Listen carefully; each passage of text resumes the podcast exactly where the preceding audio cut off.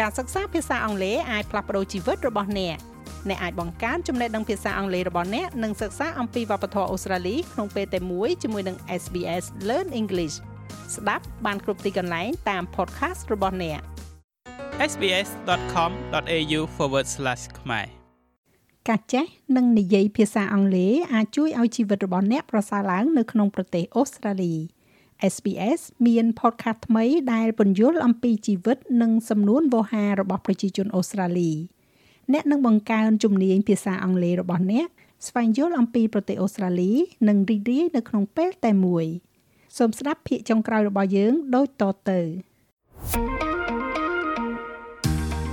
Learning English helps me cheer for my favorite footy team. Hello and welcome to the SBS Learn English podcast, where we help Australians to speak, understand, and connect. My name is Josipa, and like you, I'm learning more about the Australian culture every day. And something that gets all Australians talking and often arguing about is sport.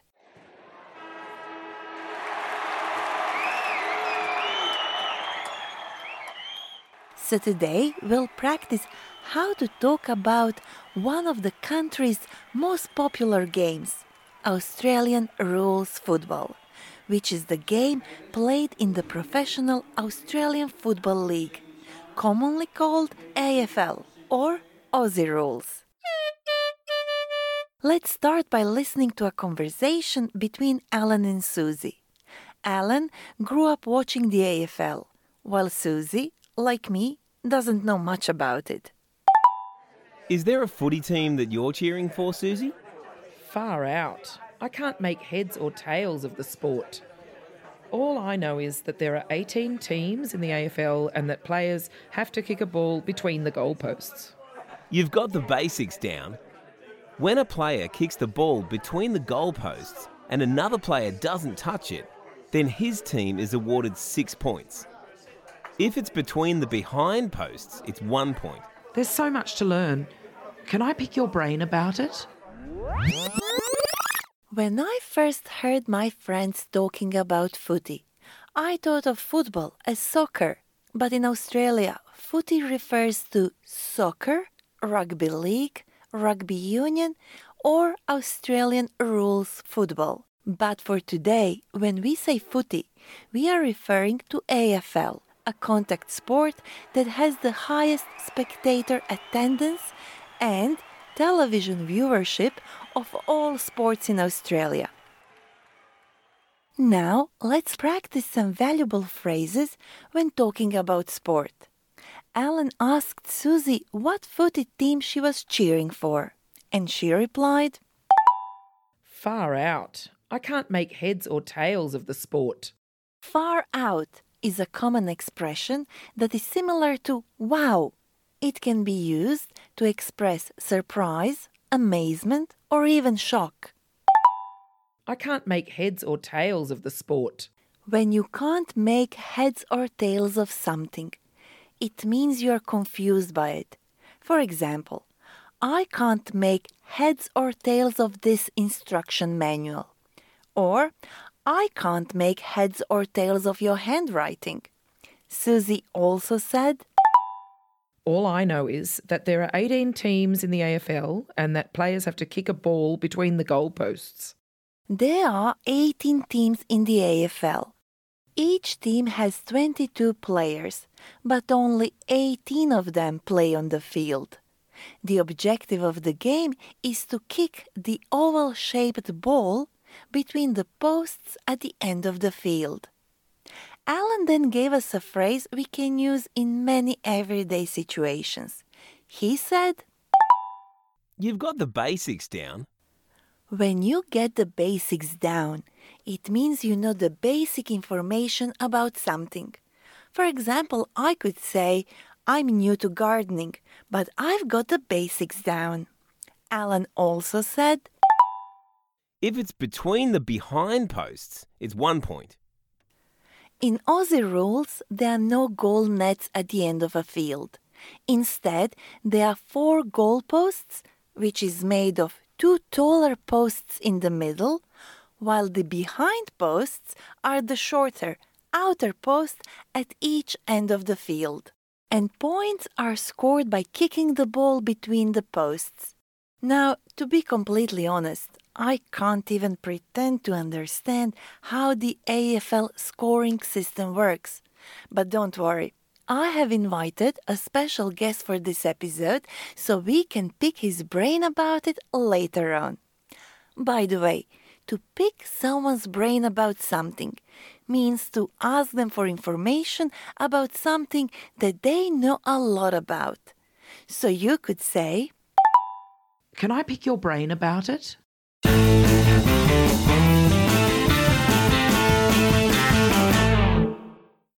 During our little break, Susie has become a proper footy fan, and now her and Alan are watching a game between the Sydney Swans and the Collingwood Magpies, or Pies for short. Jeez, what a specky. I thought this game was going to be a nail biter, but it looks like the Pies are going to win by a mile. It's incredible how he marked it. Pies have a lot of frequent flyers on their team, while Swans are making a hash of it. And he sends it deep. You know, I'll always barrack for the Swans, but this year, it's not easy to be their supporter. I think the Cats are going to win the whole thing. try and put the They're the favourites. Oh, yes, they've been blowing away the competition. Let's get straight to work and look more closely at the conversation between these two footy fans. Alan said, Jeez, what a specky. Geez is an expression used to show surprise or annoyance. For example, geez, you scared me. What a specky. A specky or screamer refers to a spectacular catch of the ball, also known as mark, which typically involves, and listen to this, a player jumping up on the back of another player. That's spectacular. I thought this game was going to be a nail biter, but it looks like the Pies are going to win by a mile. A nail biter is a situation that causes great anxiety, excitement, or tension. So, after watching a very scary movie, you could say, This movie was a nail biter. It looks like the Pies are going to win by a mile. And when a team wins by a mile, it means that they win by a big margin. Susie then said, It's incredible how he marked it. A mark is the catch of a kicked ball which earns the player a free kick. So, when a player takes a big mark by jumping up on the back of another player, you can say, What a screamer! Pies have a lot of frequent flyers on their team, while Swans are making a hash of it. Frequent flyers are players who take lots of screamers or speckies. And if an Aussie rules team is making a hash of it, it means they are making a lot of mistakes. Alan then shared who he was cheering for and said, You know, I'll always barrack for the Swans. To barrack in footy means to cheer for a particular team. So you could start your next footy conversation by asking, Who do you barrack for? I think the Cats are going to win the whole thing. They're the favourites. In sports, when a team or athlete is predicted to win, they are referred to as the favorites. We also heard Susie saying, They've been blowing away the competition. To blow away the competition means to defeat everyone. For example, he blew away the competition and won the gold medal.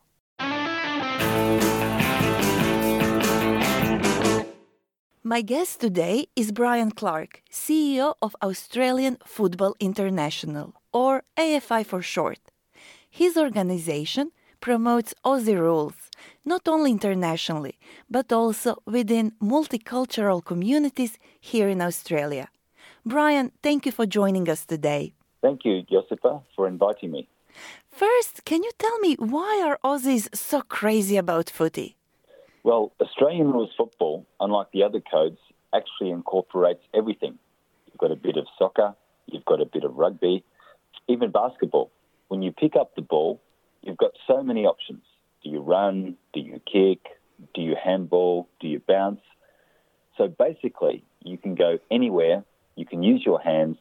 There are no goalkeepers. So the freedom of the game is probably one of the best features. I want to pick your brain about the scoring. I can't make heads or tails of it. Huh. Well, that's not unusual. The scoring is probably the most challenging part of the game for new arrivals. So you've got four posts at each end. You've got two middle posts, which are the taller posts, and then you've got two outside posts, which are the smaller posts. If the ball goes through the two middle posts, which are the higher posts, it's a goal and it's worth six points. But if it goes between the big post and the smaller post, it's only worth one point. So you might see something like one team scored 2.6, and you go, well, what does that mean? Well, the two means the goals. So if you times it by six points, that's 12. And the six behinds are worth one point. So 2.6 is actually 12 plus 6 is 18. It can be very challenging for new arrivals to get the head around that, but look, it helps make it the unique game that it is. I love trying new things and I wouldn't mind trying my luck with Aussie rules, but I fear that, you know, I might get hurt in the process. Well, one of the great things about our game is that we actually have a non contact and a contact version. So we have tackling and non tackling. So you can choose to do either. We have a lot of communities that actually don't want to um, come over to Australia and get tackled and, you know, potentially injured. So the non-contact version is a lot of fun to play. You're still kicking, handballing, bouncing, marking, and we're replacing the tackle with the touch. It's an actual lot of fun. And on your website, I saw that you can play for your own country. Yes, our tournaments give the opportunity not only to try out our great game, but also to play for your community. So if you have a parent or grandparent from that country, you can come along and play for your play for your country of origin. Um, so whether you are from South Africa, whether you are from South America, uh, Asia Pacific, Europe, come down and get involved with AFI. Um, we'll teach you how to play. It doesn't matter where you're from, you can play this game. And one of the things we do for new arrivals is we actually encourage men and women to come down and play, as I mentioned before, a non contact version of the game. And that's really good because you get to exercise out in fresh air, you're meeting new people, you are making new friends, and you're not having your head ripped off. that sounds awesome. I might see you on the field then. Looking forward to it. Let's revisit useful phrases from this episode. See if you can answer these questions before hearing the answer. What is a specky or screamer?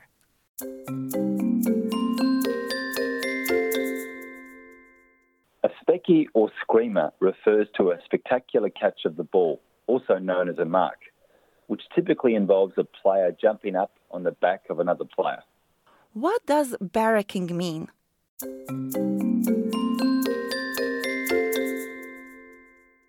In footy, barracking means to cheer, give support and encouragement to a particular team. We heard different phrases we can use when talking about sport. Is there a footy team that you're cheering for? Far out. I can't make heads or tails of the sport. I thought this game was going to be a nail biter, but it looks like we'll win by a mile. They've been blowing away the competition. We also heard different ways to talk about the AFL. Geez, what a specky. It's incredible how he marked it. I'm barracking for this team. That's all we have time for today. Now head to sbs.com.au slash learn English and test your listening and understanding skills with our quiz. There you can also find additional learning notes and transcripts. If you would like to get in touch with us, send us an email learnenglish at sbs.com.au or reach out on Facebook. We are SBS Learn English. Thank you for listening. You've been listening to an SBS Learn English podcast.